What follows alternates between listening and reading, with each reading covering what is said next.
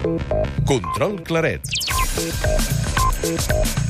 Aquesta setmana, amb el Control Claret, descobrim professors itinerants, professors que no fan classe cada dia al mateix centre o que fan classe fora de l'aula. Ahir vam conèixer la Flora, una professora que podia fer fins a 100 quilòmetres al dia. Avui, Laia, qui ens descobriràs? Hola, bon dia. No sé si us sentiu ara mateix. Soc a l'Escola Superior de Música de Catalunya. No ho sentim, Soc a la zona no d'assaig. sentim. aquí hi ha uns 750 alumnes que treballen i que estudien aquí dins de l'escola. I som a la zona d'assaig. Jo sento de fons una marimba, unes timbales, un violoncel, un saxofon... I si ahir érem amb una professora que feia 100 quilòmetres en un sol dia per poder fer classe, avui sóc al costat d'un home, atenció a la xifra, eh?, que n'ha arribat a fer 1.000 de quilòmetres per poder fer una sola classe. Ara Deu ser potser no molt bo, viatja aquest tant. professor, eh? Sí, sí, Deu ser sí, molt sí. bo, eh? Perquè algú ha pagat els mil Somriu. quilòmetres, m'entens? No, no. Del tot. Pep Borràs, bé, eh? bon Vas dia. bé. Hola, bon dia, què tal? S'ha de ser molt Borràs bon professor. professor. S'ha de ser molt bon professor perquè algú assumeixi el cost de mil quilòmetres per rebre una classe. No, no, però... No, moltes gràcies per Home, l'oferència, però no. és que és així, no, perquè això. avui en dia ja els mitjans, els mitjans de transport són molt més econòmics i no és el mateix que abans. No? Deia que ell és professor de música antiga i director d'aquí, de l'ESMUC, de l'Escola Superior de Música de Música de Catalunya. Ara potser no viatja tant com a director, però ha arribat a fer dos dies de classe a Barcelona i tres dies de classe a Basilea. I, I deixem clar, eh, ho deies tu, Mònica, s'ha de ser molt bo, que això ho feies perquè t'agrada, eh? De feina no t'ha faltat aquí, això t'agradava. Home, mm, els músics anem fent, eh, amb tot però evidentment eh, quan decideixes fer una cosa així és perquè t'agrada molt, Clar. ja des del primer moment. Què t'aporta? Fer classe aquí i fer classe a Basilea. Em dius, és que és totalment diferent. No s'assembla res una ciutat amb l'altra. Per què? En quin sentit?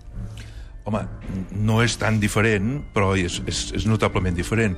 Per exemple, l'Escola Superior de Música de Catalunya és una escola que l'any que ve farà 15 anys. Sí. De, És jove, és eh, jove. És jove, és un model molt concret, és un model molt obert, on conviuen molts àmbits de la música, música clàssica, la música tradicional, la musicologia, tot això, i per tant la música antiga està doncs, en el context de totes aquestes coses.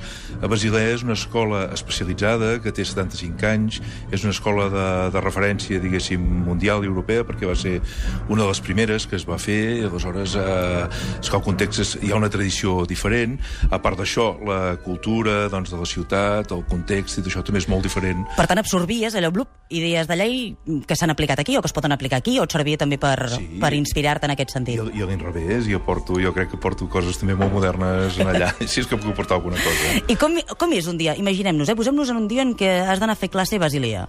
Com és la vida d'aquest professor itinerant a Basilea? Bé, no, no té res de particular. D'entrada, mira, m'agradaria dir-te que els, Sí? els músics són molt itinerants, Itinerants. Eh? perquè ja som itinerants a l'hora de fer concerts, vull dir que ja ens plantegem...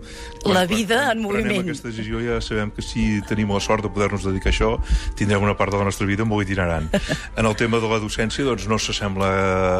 Ai, no, perdó, no es diferencia gaire respecte de la docència universitària convencional, vull dir, em llevo molt d'hora. Si tinc sort, agafo un avió directe, si no, haig de passar a Via Zúrich a les 6 del matí, arribo a Basilea, haig de recuperar moltes classes que... que... O sigui, et lleves a les 6, comences a fer classe a les 10 a Basilea, ja? Més o menys a les 10, Sí. sí, sí doncs eh, faig les, les classes, haig de recuperar, tinc algunes classes col·lectives, tinc algunes activitats de docència compartida, etc. Em deies, la vida allà és desordenada, aquí vaig una mica més ordenat. No, allà arribes a fer 8 hores de classe al dia i... No, però desordenada no, eh, perquè les haig de programar. Ah, és veritat, tens raó amb això. Sí, sí. Programades, però no, no, no tant com aquí, no? L'horari Sí, sí, no és tan estricte. Exactament. Tot i que ara això, en aquests moments, no, per, per causa de la direcció de l'escola, no, no, no, no puc eh, dedicar-m'hi tant a això. Eh? Tant com voldries. I eh, per acabar, estem preparant un control claret sobre la docència musical, professors de música. Eh, abans eh, hem parlat sobre la LOMSE, la llei verd, que pretén que l'assignatura de música sigui optativa, que deixi de ser una assignatura obligatòria. Em deies, això és fatal, eh? Home, anem molt malament, perquè sempre els que ens hem dedicat al tema de l'ensenyament musical ens hem queixat de com s'ha tractat la música a l'escola, perquè es tracta com si fos un, una, una matèria o una assignatura, quan la música és un element transversal. Tothom té dret a la música, perquè tothom... La música és una cosa que ens afecta a tots. El que passa és que la, amb el senyor Bert és quan és la primera vegada que es, va explicit, especificitar Sí. de manera directa que eh, la música era una cosa complementària, que ho deixaven a l'arbitri de les escoles, de les comunitats autònomes. Mm. Per tant, és una...